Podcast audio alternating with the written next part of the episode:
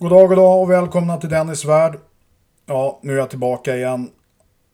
Det låter så tråkigt när jag presenterar mig själv. Det ska egentligen vara lite musik i bakgrunden och, och lite mer feeling över det hela. Vi, vi testar en gång till då. God dag, god dag och välkomna till Dennis värld. Idag är det den 30 maj 2022.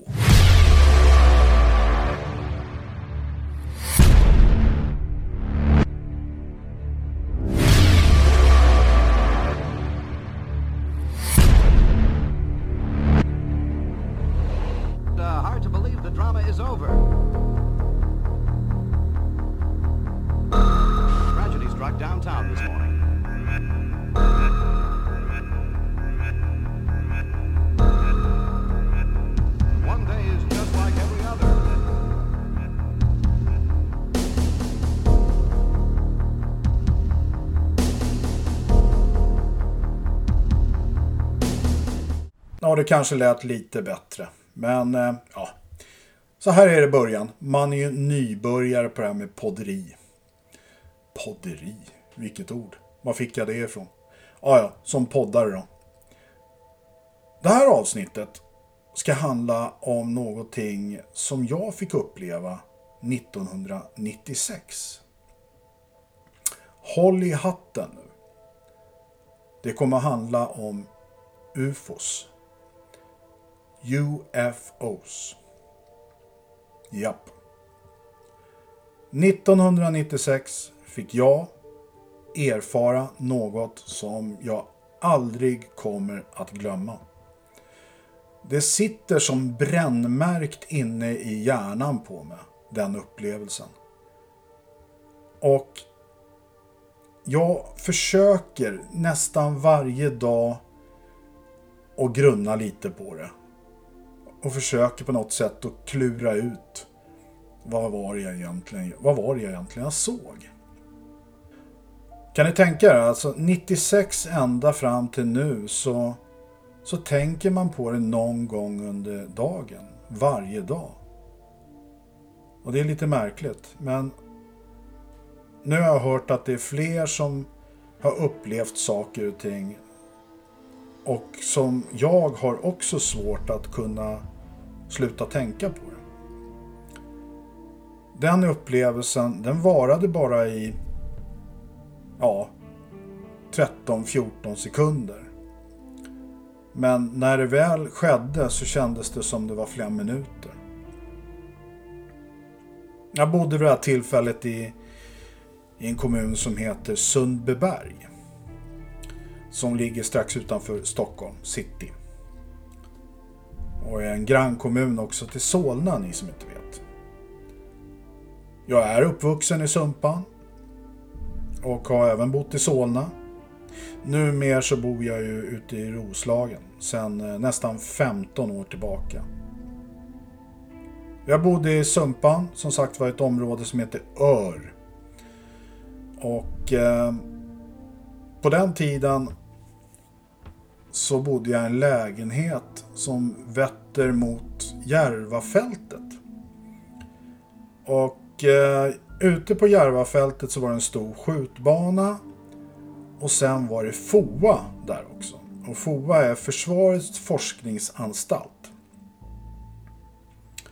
En morgon 1996 så vaknade jag upp väldigt, väldigt tidigt. Typ halv fem på morgonen. Utan anledning.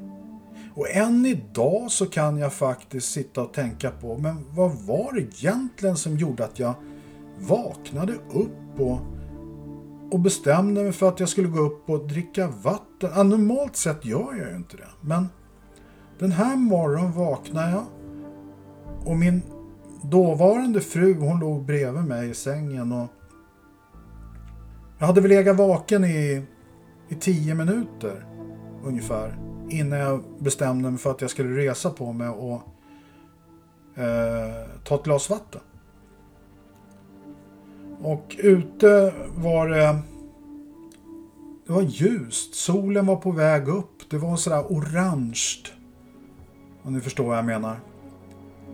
Så att jag, jag satte mig upp i sängen och tittade ut genom fönstret då som jag har 50-60 centimeter ifrån sängen. Då. Ett stort fönster som eh, vetter mot Järvafältet och den här försvarsanläggningen som vi har där ute. Och jag tittar upp och ser någonting som får mig att häpna. Alltså det var... Det tog säkert några sekunder innan hjärnan kopplade om man säger så. Jag ser någonting som hovrar eller är över Ursvik. Som är jättestort. Och jag blir ju så himlans förvånad. Och det tar väl då två, tre sekunder innan jag kan få ut ett ord ur munnen. Och jag vet att bakom mig så ligger min dåvarande fru och sover. Och jag, jag, jag fick ut några ord och det, och det var ju kanske inte sådana här trevliga ord. Det var typ, vad i helvete, vad fan. Någonting sånt var det i alla fall. Uh, en frustration över att se någonting som, som jag inte förstår vad det är. För att det, det jag såg var, det var ingen fågelskit på glasrutan eller en luftballong eller ett flygplan. Det här var ett gigantiskt föremål. Mörkt, lite gråmörkt, brunt och lite orange också. Och det orangea det, det kopplar jag med att solen var ju på väg upp och att det reflekterades på det här föremålet. Ja, föremålet var gigantiskt som sagt var. Det var jättesvårt att säga men det kan ha varit 1000 meter i diameter, det kan ha varit 800, 700 meter, 500 meter. Jag vet inte. Men jag, jag försökte verkligen i efterhand ta ut referenser på vad föremålet var någonstans och var det slutade. Eh, alltså storleken på det. Och det, det, det har jag forskat med under jättelång tid. Jag har kommit fram till att det är ett väldigt, väldigt, väldigt stort föremål. Det låg ungefär eh, två, 200 meter ovanför markytan. Eh, så så högt var det inte. Men jag tittar på det här föremålet. Och efter tre sekunder ungefär så förstår jag att det här är någonting som inte hör hemma där över. Så att, ja, jag vänder mig om. Och då har jag sagt, ja jävlar, helvete, vad fan är det för något? Och, och mitt ex då, hon var, börjar vakna upp. Och, och förstår jag att det är någonting som, som inte stämmer. Och jag kommer ihåg att jag vände mig om och tittade på henne när hon låg i sängen. Och hon hade jättestora ögon och var chockad. Ja Dennis, där uppe var ditt fönster. Och därifrån var det det du såg det du såg. Ja, Kan du förklara lite närmare? precis. 1996, eh, tidigt en morgon, så vaknade jag upp. Eh, och eh, hade varit vaken i cirkus 10 minuter. Och eh, satte mig i sängen. Och det här var relativt tidigt som sagt var så att solen hade ju gått upp men det var ju lite orange-gult runt omkring.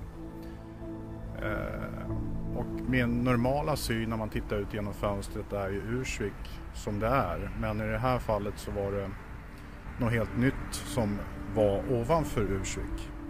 Och det tog väl mig en eh, 3-4 sekunder innan jag verkligen uppfattade att det här var någonting nytt i mina ögon som jag såg framför mig. Och i och med det så reagerade jag också och jag kommer ihåg att jag, jag sa fan.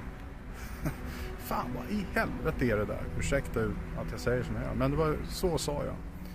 Och bakom mig ligger mitt ex då, eh, som då var min fru. Eh, och blev lite störd på att jag började gapa där. Det var väl inte jag vad jag brukar göra om man säger så. Men, och lite skraj. Så att hon började röra på sig. Och jag vänder mig om och tittar på henne. Och sen vänder jag mig om igen och tittar ut genom fönstret. Och ser det här föremålet då ja, hela tiden i eh, 10 sekunder, 8, 9, 10 sekunder till ungefär. Eh, samtidigt som hon börjar bakom mig röra på sig och komma upp ur sängen. Jag vet att han vaknade en natt där då. Ja. Och eh, jag, eh, ja, jag, jag uppfattade det som att han eh, ja, såg någonting otroligt. Ja. Vad var det där liksom? Vad var, eh, hur, hur, hur var hans liksom, första spontana reaktion sådär? Nej, vad i helvete sa han. Eller Aha. någonting sånt där. Var det det du var? Ja, vad fasen är det där eller någonting? han uttryckte sig precis som han var förvånad i alla fall. Jag kommer inte ihåg exakta ord. Ja. Eh, och jag förstod att han hade sett någonting. Men jag, jag låg ju halvsov, men jag hörde det här. Liksom. Du vaknade liksom av... Ja, jag vaknade till då. För han hade vaknat till innan, har jag för mig. Ja. Och sen eh, så, ja, så vaknade jag till av att han pratade, så att Ja. säga. Ja. Ja, och eh, så berättade han det här för mig, vad han hade sett. Ja. Att det var något konstigt som bara, ja, for iväg på himlen. Ja. Ja, så att eh, jag vet ju att han har, han är inte den typen som, ja, slänger ihop såna här historier heller. Och tacka fan för det. Att hon blir chockad, för det där är ju ingenting normalt sett som jag brukar göra. Jag brukar sova som en stock på morgonen. Och för den delen, jag hetsar inte upp mig för något eh, så ofta. Men den här gången gjorde jag det.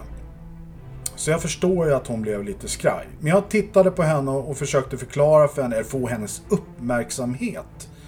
Att jag har någonting utanför här som du bör ta del utav.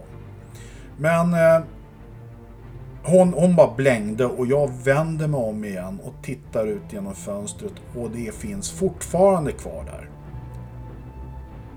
Och efter 7-8 sekunder någonting då förstår jag verkligen att nej men jag tittar ju på någonting som absolut inte hör hemma här. Det här är någonting utöver det vanliga. Och eh, reser på mig, kommer jag ihåg. Och står mot fönstret och tittar ut, verkligen som... ba- Bara glor. Som, och paralyserad nästan, utav situationen. Då ser jag hur det här föremålet, om man säger lägger sig på sidan. Eller som man säger tiltar. Uppåt. Och det var då det verkligen, verkligen knottrade sig på kroppen. Sån här goosebumps. Du vet när, när, när man upp, upplever någonting som man bara... Ja, äh, det var läskigt.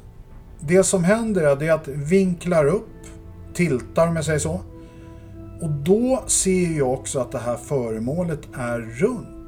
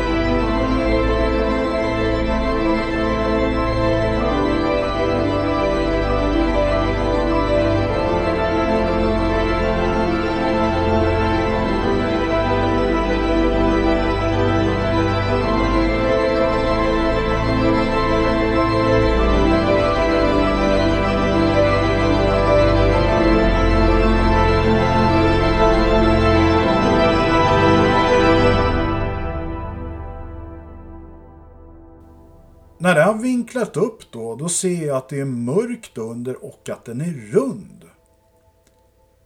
Men jag ser inga detaljer under för att det är så pass mörkt under. Däremot så på ytterkanten av det här föremålet så ser jag att det sticker ut saker och ting. Så att det, det är saker och ting som man ser. Eh, som är byggt på det. Ja, och då, nu, nu pratar vi alltså bara om när, någon två sekunder, tre sekunder som den är vinklad. Kanske inte ens det, en sekund. Men för mig känns det som att det var jättelänge. Och sen är det som någon kastar en frisbee mot ansiktet på mig. Det här stora föremålet drar iväg. Så sjukt snabbt. Ungefär som någon kastar en frisbee mot ansiktet på dig. Du ser den, att den försvinner och att det går jättefort. Det som händer då det är att jag blir helt, jag blir så chockad över hela situationen. Och, och så arg och frustrerad. Det är så många känslor som kommer upp då så jag, jag springer över sängen. Där, där mitt ex är då. Eh, och förstår hur rädd hon blir. Hon, hon vet ju inte vad det här handlar om riktigt. Så hon, eh, du vet, hon kommer ju efter sen. Men i vilket fall som helst, jag springer över henne in till andra sidan huset. Där jag har en balkong som vetter mot Stockholm och Solna och Haga Norra. Och står där som ett fån bara och blänger ut och tittar. Vad, vad fanken tog den vägen någonstans? Jag såg ju den. Och efter kommer då hon och, och tittar på mig med stora glasögon. Dennis, Dennis, vad är det? Vad är det som händer? Och där står jag och stammar typ och, och bara, ja, men jag har sett, jag har sett någonting. Jag, jag såg någonting. Jag vet inte. Vänta ett tag. Och jag stod där och tänkte, vad, vad är det för någonting jag egentligen har sett? Ja, det var 1996. Jag valde redan då väldigt tidigt att nej, det här är ingenting som jag ska prata med några kompisar om. Eller, det här är, det här är, nej, det, det vill jag inte göra. Däremot, däremot så valde jag ju då att kontakta UFO Sverige. Och på den här tiden så, så fanns det ju sådana här modem, du vet, man ringer. Ni, ni i den yngre generationen vet inte vad jag snackar om.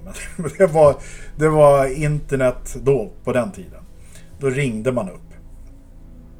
Och sen eh, mejlade jag i alla fall till, till eh, UFO Sverige och talade om vad jag hade sett, vad jag hade sett för något. Och jag, jag glömmer aldrig, jag gick till mejlen hela tiden och kollade, är det någon som har mejlat tillbaka? Jag tittade i tidningarna, se om det är någon annan som har sett någonting. Nej, ingen. Och inte ens UFO Sverige kontaktade mig. Så att, ja. Efter några dagar så tänkte jag, nej men jag, jag skiter i det här. Nu, nu vet familjen om det här. Mina barn och min fru. Och mina närmsta kompisar visste om det. Men inga mer än det. Och varför gjorde jag inte det? Varför gick jag inte ut med det? Jo, bara för att 96 då, jag var mitt uppe i karriären, jag hade egna företag, jag var entreprenör, visionär, hej och hå. Och gå ut och säga då, Öh grabbar, jag har sett ett UFO. Tjena, jag har sett ett UFO, hallå? Jag menar, det skulle ju knappast gynna mig. Snarare tvärtom, det är ju tabu att prata om sånt. Har du sett, då, då det blir ju nästan Beckomberga då. Beckomberga fanns i och för sig inte då. Men de hade lagt, lagt ner lite tidigare. Men ja, alltså man vill inte prata om det. Man vill inte förstöra sin framtid. Idag så är det lite annorlunda. Idag vågar man prata om det. Det är inte tabu som det var förut. Eh, och det tycker jag är jättespännande. För jag vet att det är så många fler människor än jag som har sett saker och ting som man inte kan förklara. Och det behöver inte alltid betyda att det är ett UFO man har sett. Man kan faktiskt ha sett ett fenomen av något annat slag. Men sen vet jag också att det finns människor som verkligen har sett någonting som verkligen visar att det är ett UFO. Och ett UFO, vad är ett UFO? Ja, det kan ju vara precis vad som helst egentligen. Men eh, om vi säger en teknologi som inte kommer från våran planet. Det är vad jag menar. Jag har sett någonting som inte hör hemma här. Och någonting som verkligen förändrade mitt liv. Innan dess, jag tänkte inte på UFO överhuvudtaget. Jag är inte mer än när man tittar på science fiction-filmer och tyckte det var jätteballt och så vidare. Jag var en upptagen man. Jag hade många bollar i luften. Men en morgon då, 96, förändrade allting. Och jag förstår idag att vi är inte ensamma. Eh, vad de gör här har ingen aning. Eh, deras syfte? Nej, det, det, jag vet inte. Det är väl ingen som vet. Eller? Är det det? Det som är lite konstigt med det hela, och det hoppas jag att ni förstår. Eh, 96 ser jag det här. 2011 hittar vi föremålet i Östersjön. Visst, visst är det lite konstigt? Vilket sammanträffande va? Vi hittar ett föremål i Östersjön som påminner om ett UFO. Eller? Det behöver inte vara så. Eller jag, jag säger väl så här. Jag tror inte det finns några connections emellan. Men jag vågar ta mig fanken inte utesluta någonting längre. Och särskilt efter 96 när jag såg det där.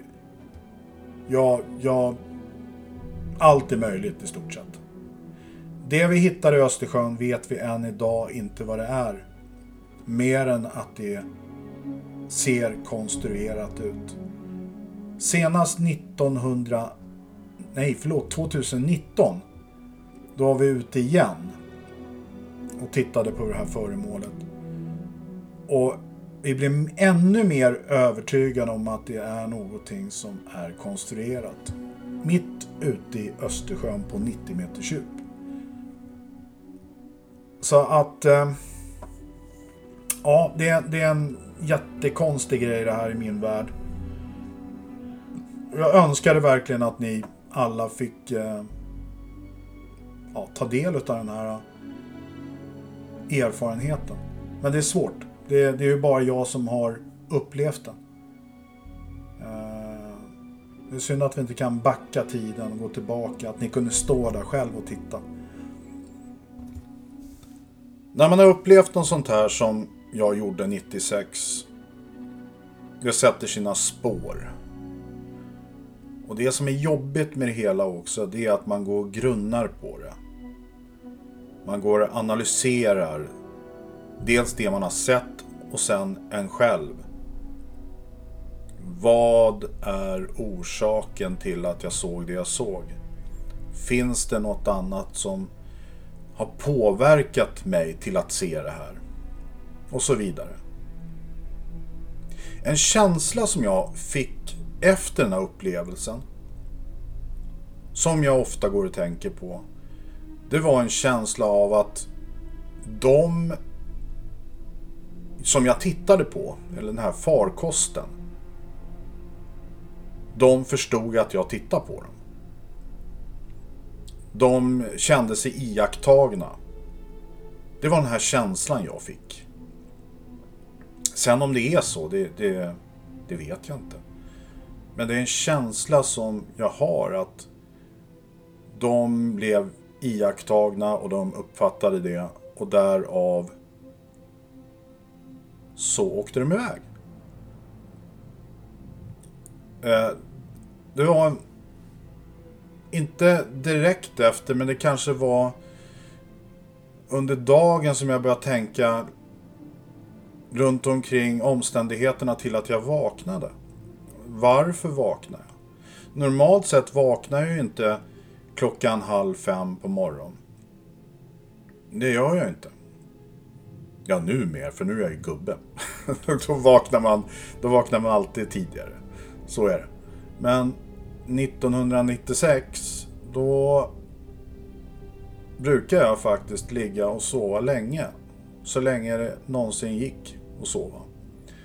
Eftersom jag var en oftast en utarbetad kille. Så jag höll igång hela tiden i stort sett. Från morgon till kväll.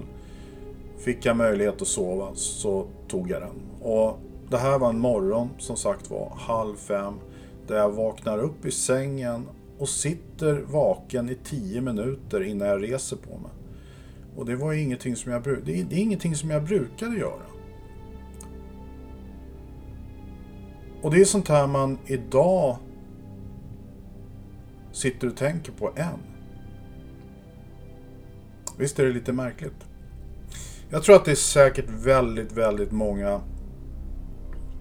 ute i världen och i Sverige här som har upplevt saker och ting som är svåra att förklara och svåra att förstå främst.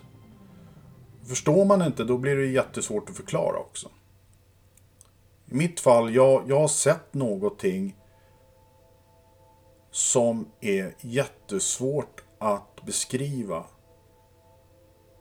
Vi pratar ändå bara om drygt 12, 13, 14, 15 sekunder max. Men för mig så, så kändes det som det var flera minuter.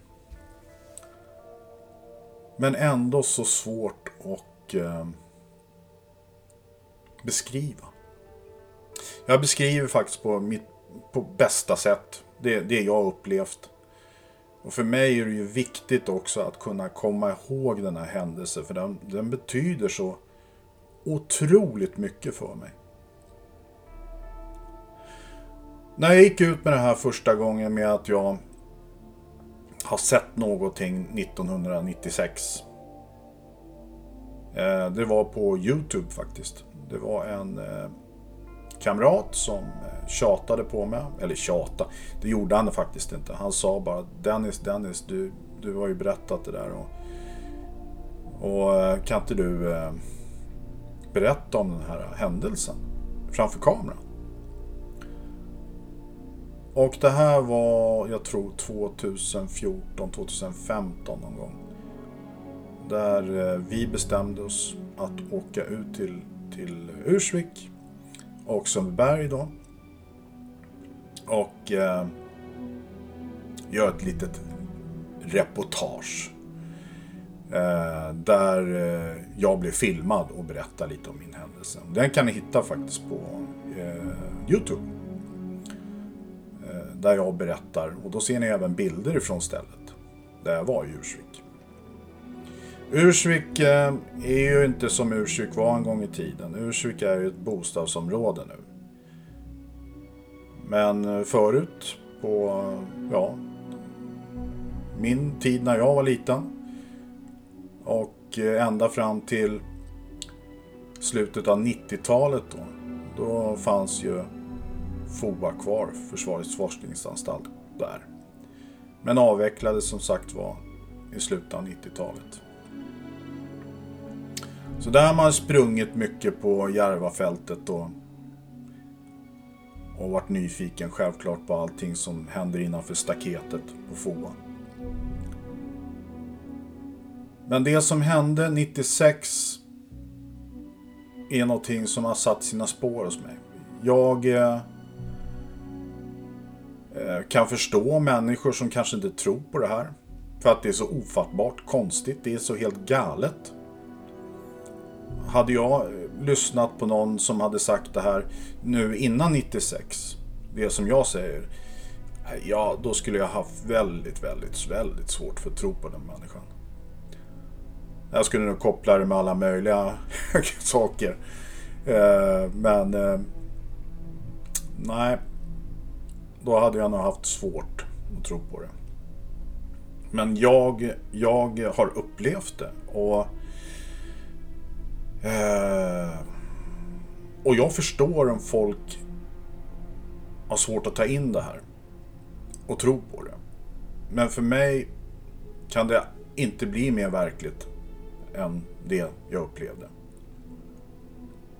Och självklart är jag otroligt galet nyfiken. Så att efter 96 där och sen fram, ja, framöver, ja, 2000 när, när internet blev mer utbrett och eh, det kom mer och mer information gällande UFOs. Så hängde jag ju med där, självklart.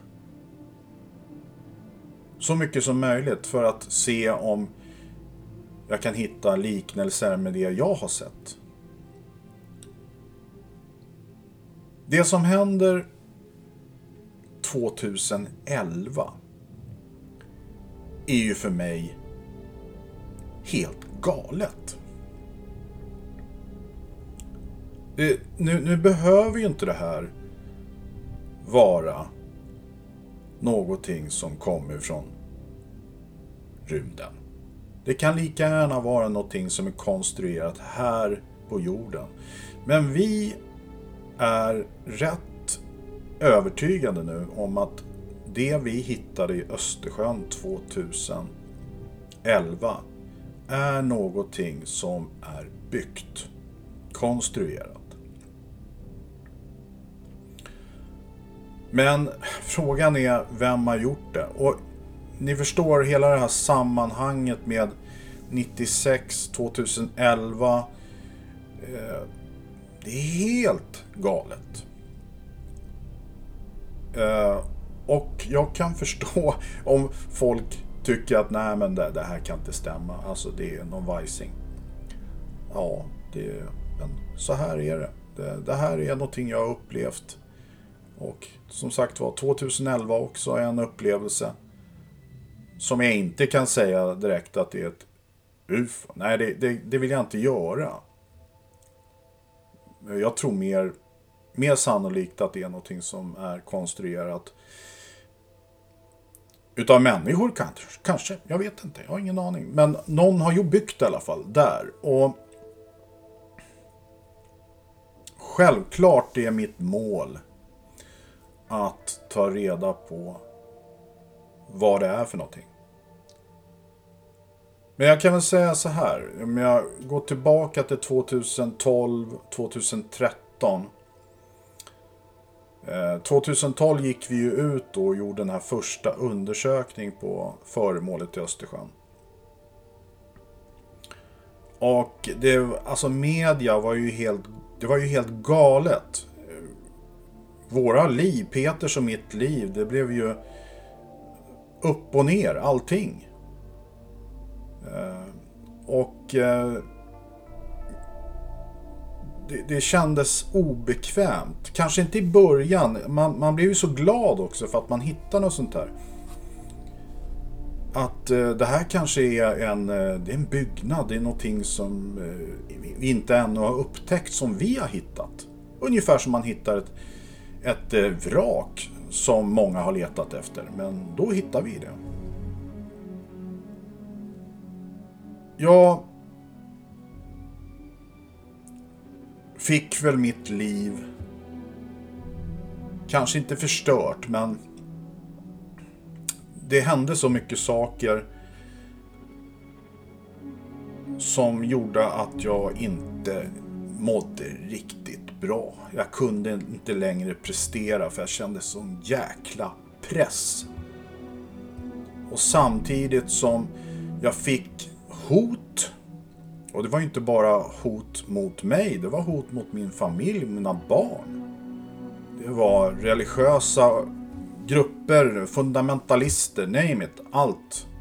Som mejlade och typ vi ska åka till ditt dagis och där dina barn är och gör dem illa. Ja, det var, det var sådana fruktansvärda grejer. Och för mig blev det ju en chock för att jag hade ju trott att det skulle bli motsatsen. Att väldigt många skulle tycka att det här var, det här var positivt, var bra, det var en upptäckt. Nu går vi vidare med det. Men, men och, och det, det självklart, självklart var det väldigt, väldigt många människor som, som kontaktade oss. Jag kommer ihåg att min maillåda, den bara plingade hela tiden. Och jag fick en mail ifrån hela världen. Så det var ju inte bara journalister som kontaktade mig. Det var privatpersoner. Och det, de flesta mejlen var ju positiva, självklart. Men sen dök de upp de där hoten. Och när man aldrig har varit med om en sån situation så blev det ju det blev jobbigt. Jag kände mig inte trygg längre. Och sen när media då utan att kontrollera fakta. Och det var det som gjorde att allting bromsades upp. Vi ville ju verkligen 2012 och 2013 undersöka det här föremålet mer noggrant. Men då, då gick ju media ut med, svar, ja, med, med, med ett svar redan i stort sett. Det är en sten. Och vi bara, vad, vad handlar det här om egentligen? En sten. Varför skriver de så för? De har inte ens varit där ute. Och när de skrev det där så självklart blev det en kedjereaktion och väldigt många människor hade ju läst det. Ja, men det är ju bara en sten. Det där är ju bluff. Det är bluffgrabbar. Och då försökte ju vi på alla sätt och vis under den här perioden hitta investorer då som ville hjälpa oss. Dels finansiellt och sen med utrustning och sen givetvis med kompetens. För att jag menar, vi, vi har inte den kompetensen, varken jag eller Peter. Vi är suveränt duktiga på att hitta saker och bärga saker. Men det här var något helt nytt vi har hittat och här behövde vi professionell hjälp ifrån marinarkeologer, arkeologer, name it, alla möjliga kategorier. Och dels kunna, kunna ta prov på det här föremålet. Ha rätt utrustning för det och så vidare. Men det var jättesvårt för oss att kunna ja, få hjälp tack vare media hade ju redan dömt oss. De hade ju sagt att de där killarna är en bluff, de har hittat en sten. Och så var det ju inte. Det var ju bara någonting de sa. Och det, det sårade mig otroligt mycket. För jag hade kämpat och kämpat och kämpat för att kunna komma vidare med det här. Jag hade dels satsat allt jag äger och har i stort sett i kapital och min tid. Och det var precis som jag sprang in i väggen gång efter gång efter gång.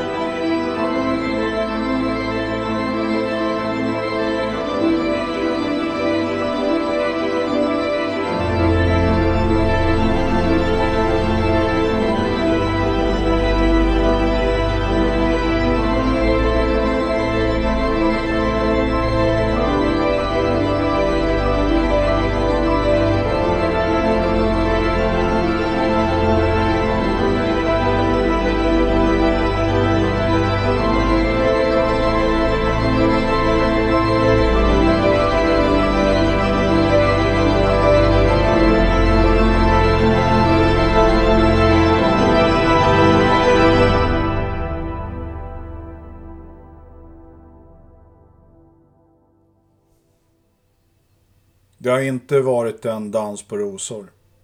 Det har varit en tung period. Vi hade hoppats på så mycket mer. Det har varit helt enkelt skit, rent ut sagt. Man har varit ledsen allt för ofta. Jag hoppades mer på att man skulle vara glad och... Men det kan jag väl inte påstå att jag har varit den senaste tiden. Det har varit så otroligt mycket motgångar. Jag menar, The Baltic Sea Anomaly, det här föremålet. Ja, det är vad det är och självklart, jag har inte givit upp hoppet än. Men sen har vi andra projekt vi har jobbat med som tyvärr, tyvärr inte har gått vägen. Jag menar, vi hittade konjaksvraket många, många år sedan. Och lyckades bärga konjak och benediktiner från det här vraket 2019. Vi gjorde våra analyser och så vidare. Utav innehållet då. Och hade ju hoppats på att kunna sälja de här flaskorna på Christies. Men sen kom pandemin. Och slog krokben på oss. Och intresset för konjak och sprit och vin var väl inte lika intressant längre. Och där har vi ju satsat då otroligt mycket tid och pengar. Och hade ju hoppats givetvis att få tillbaka något. Och det är ju så här att när vi jobbar med våra projekt så ska de ju finansieras på något sätt. Och mycket är ju då utav att vi säljer det vi har bärgat. Och då hade vi den här oturen med pandemin som kom. Som en käftsmäll. Och eh, ja, det var ingen höjdare alls. Och sen har vi då nästa grej som riktigt, riktigt, riktigt jobbigt. Det är att vi hittar ju den här ryska ubåten som som var ifrån tsarentiden som tsaren, den ryska tsaren hade. Stationerad faktiskt på Åland. Den sjönk 1916 utanför Grisslehamn. Den hittar vi 2015. Och vi var otroligt glada för att vi hade hittat den. Den historiska ubåten som i perfekt skick i stort sett. Och det var ju det som vi blev så förvånade över att eh, skicket på den var helt otroligt.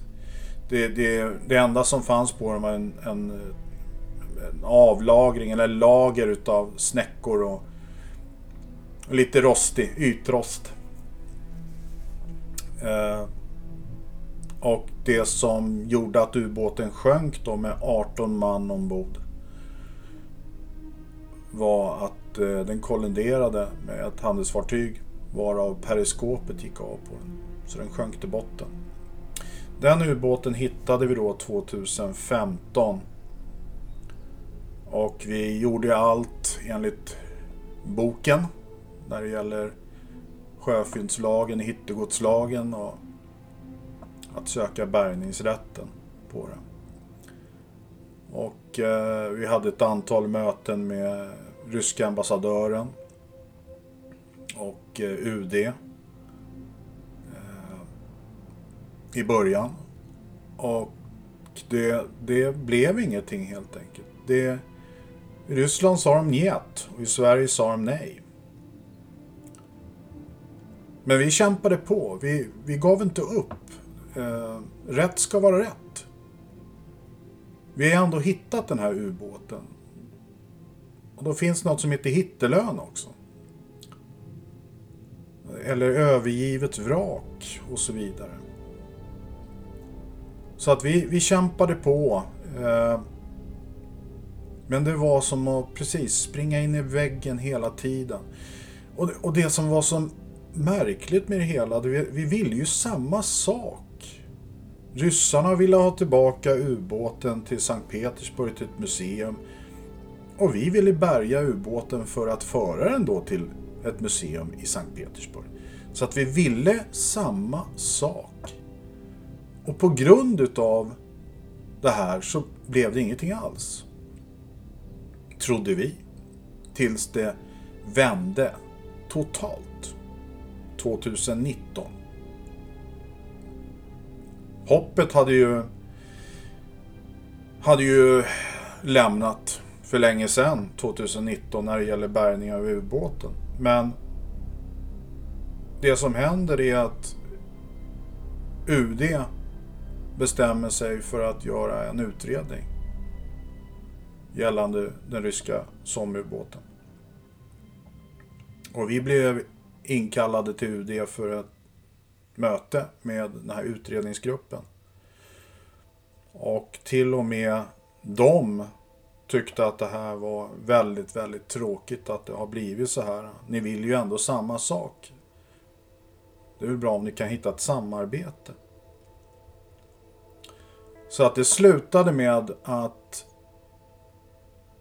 eller sluta, sluta. Dagen efter det här mötet faktiskt på UD så blev både jag och Peter uppkallade till ryska ambassadören Viktor. Och där stod jag med Viktor och han bad så mycket om ursäkt och, och tyckte att det är så tråkigt att det har blivit som det har blivit. Allting har blivit ett missförstånd redan från första början. Och eh, både Peter och jag, vi blev ju så häpna och förvånade över det här. För att vi var ju väldigt tydliga från första början att vi, vi vill ju bärga den här ubåten och ta den till Ryssland. Men något missförstånd har ju uppenbarligen blivit här. Det som händer nu då 2020 och 2021 det är att vi är överens. Så att eh, Ryssland har i stort sett gett oss godkännande för att bärga ubåten och ta den till Ryssland. Och att ryssarna står för självklart kostnaden för bärgningen av den här historiska ubåten. Så för snart fem månader sedan då hade vi vårt sista möte med ryska ambassadören Viktor på Essingen. Och eh, bärgningsplanen och budgeten var godkänd. Ifrån duman i stort sett, ifrån Ryssland. Och vi skulle påbörja bärgningsuppdraget, projektet då, redan nu i maj 2022. Det var tanken, att vi skulle ta upp den här ubåten. Men vad är det som händer?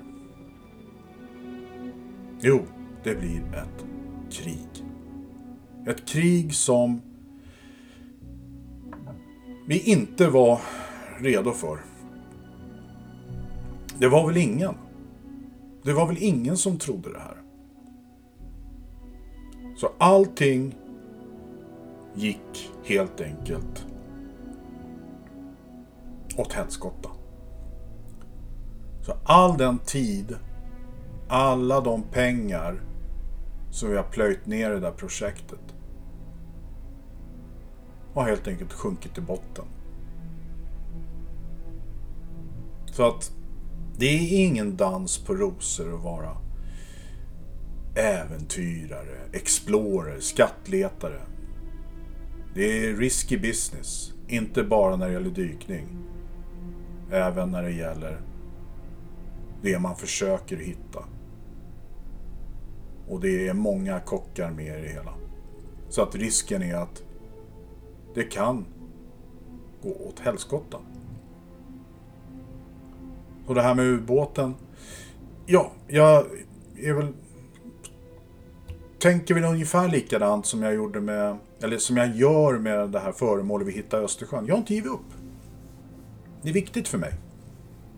Det är viktigt att inte släppa taget. Det är viktigt att få ett avslut. När det gäller ryska ubåten så är det väldigt, väldigt svårt att göra någonting. Tack vare sanktioner och så vidare. Men jag hoppas ju givetvis att någon dag, helst igår, det här kriget, det skulle aldrig ha hänt. Att det tar slut. Att vi försöker hitta vägar till att samarbeta, jobba för fred och kommunikation. Krig vinner ingen på. Det finns bara förlorare. Och jag hoppas på något sätt i framtiden, om jag får leva, att jag får uppleva det här med att bärga Sarunubåten som ligger på svenskt vatten. Det är kanske en dörröppnare till något nytt. Inte vet jag. Men just nu så är ubåten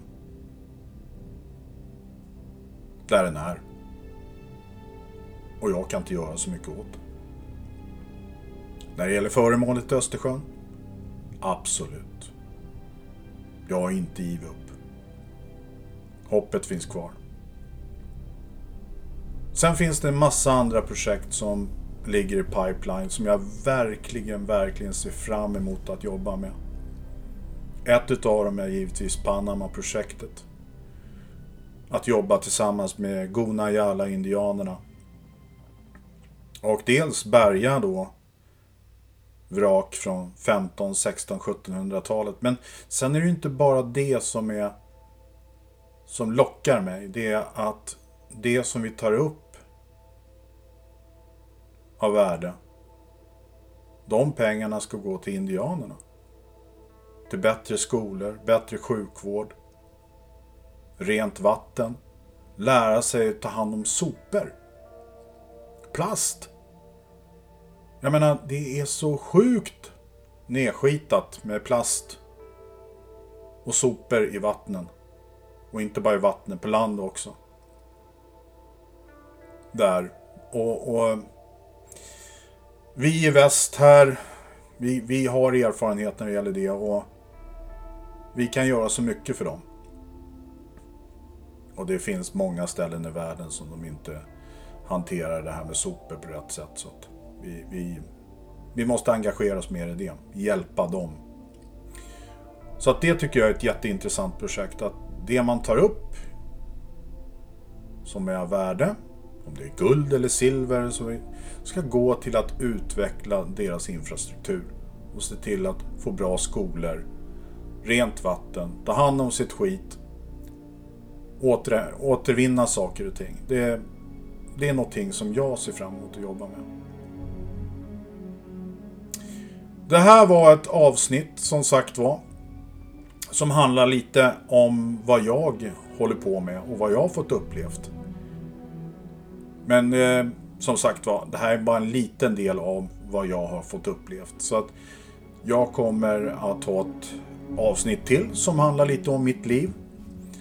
Men jag tänker också fortsätta att prata med Peter gällande The Baltic Sea Anomaly, det här föremålet vi hittade i Östersjön 2011 som jag precis har pratat.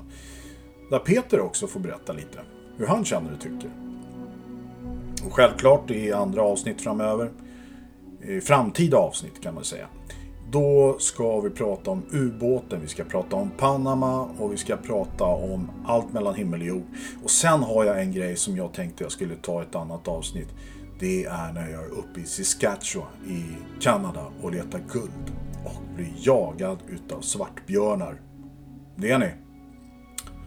Det är någonting jag kommer ta upp och berätta om. Men jag tackar för eh, att ni har lyssnat och på återseende. Ha en riktigt underbar dag. Kram på er allihopa.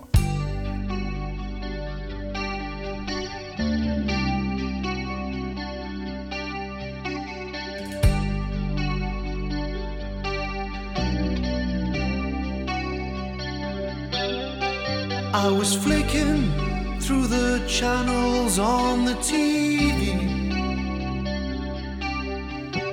a Sunday in Milwaukee in the rain, trying to piece together conversations, trying to find out where to lay the blame. But when it comes right down to it, there's no use trying to pretend gets right down to it, there's no one here that's left to blame. Blame it on me. You can blame it on me. We're just sugar mice in the rain.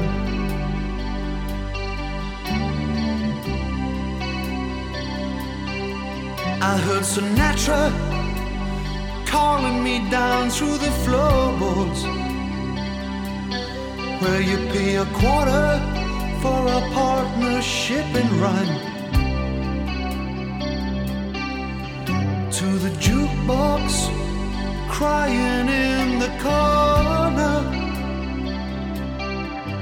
while the waitress is counting out the time.